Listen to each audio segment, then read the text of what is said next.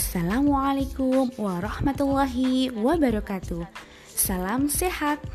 Hai hai, kembali lagi bersama saya Mila Uswatun Hasanah. Saya adalah anggota Latsar CPNS golongan 2 angkatan 14 kelompok 1. Hari ini saya akan menceritakan kembali pengalaman belajar saya, baik secara sinkronous maupun asinkronous. Masih pada agenda 3 yaitu pendalaman materi mengenai manajemen ASN, pelayanan publik, dan Rule of Government yang difasilitatori oleh Widya Iswara kami yang bernama Ibu Heni Mardiningsih SEMM. Pada awal pembelajaran, Ibu Heni mengulas kembali mengenai tugas-tugas yang diberikan pada hari Sabtu tempo hari yang pertama adalah mengenai tugas podcast pembelajaran.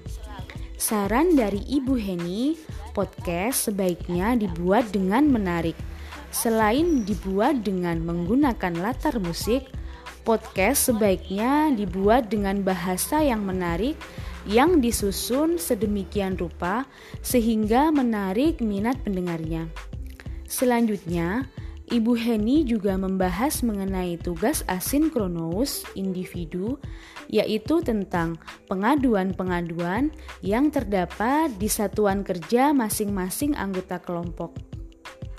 Karena kelompok kami berada di satuan kerja yang berbeda, Ibu Heni meminta untuk mengulas satu persatu pengaduan yang ada di satuan kerja masing-masing ada beberapa pengaduan yang harus ditindaklanjuti dan ada juga beberapa pengaduan yang masih harus dimusyawarahkan dengan pihak manajemen di masing-masing instansi. Pengaduan yang disampaikan juga harus berdasarkan fakta dan data yang valid serta relevan pada masing-masing instansi. Kemudian, dari kelima isu yang didapatkan, akan diambil tiga isu yang dianalisis menggunakan metode AKPL, yaitu aktual, kekhayalakan, problematik, dan layak.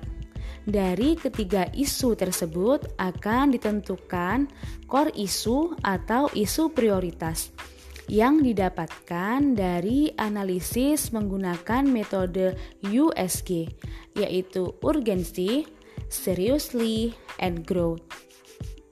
Yang kemudian dicarikan solusi pemecahan masalahnya.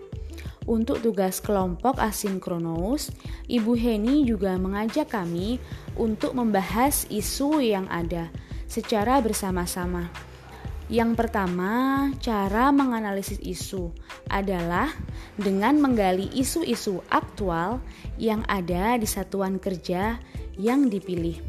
Dalam hal ini, kelompok kami setelah berdiskusi memilih Puskesmas Campur Darat sebagai tempat untuk menganalisis isu. Hal ini disebabkan karena adanya beberapa pengaduan masyarakat di kotak saran Puskesmas Campur Darat. Selanjutnya untuk koreksi pada tugas kelompok, yang pertama pada identifikasi isu. Kami menggunakan bahasa yang kurang spesifik. Lebih tepatnya, isu yang kami tampilkan tidak menunjukkan lokus atau lokasi di mana isu tersebut diambil. Selanjutnya, kalimat yang kami gunakan juga belum menunjukkan adanya kalimat negatif, yaitu kalimat yang menggambarkan keadaan yang kurang kondusif atau tidak sesuai dengan keadaan yang seharusnya, atau disebut dengan lingkungan strategis. Untuk mengidentifikasi isu, harus menggambarkan kesenjangan atau perbedaan dari kondisi yang seharusnya dengan kondisi yang terjadi saat ini. Hal ini dapat diperkuat dengan mencantumkan beberapa referensi, di antaranya adalah searching Google, UUD, lampiran, foto-foto yang valid yang terkait pengaduan, penpres maupun data-data lain yang benar-benar aktual dan dapat dipercaya kebenarannya mengenai isu tersebut. Dan jika sudah mencari core isu, kalimat yang digunakan berubah menjadi kalimat yang positif. Ibu Heni menjelaskan kepada kami dengan bahasa yang sangat mudah dimengerti dan beliau sangat ramah dan menyenangkan. Nah, berikut pendalaman dari materi agenda 2 dan 3.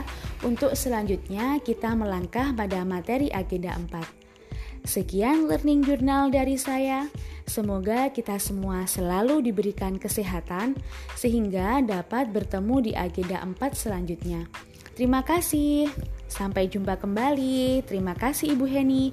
Wassalamualaikum warahmatullahi wabarakatuh.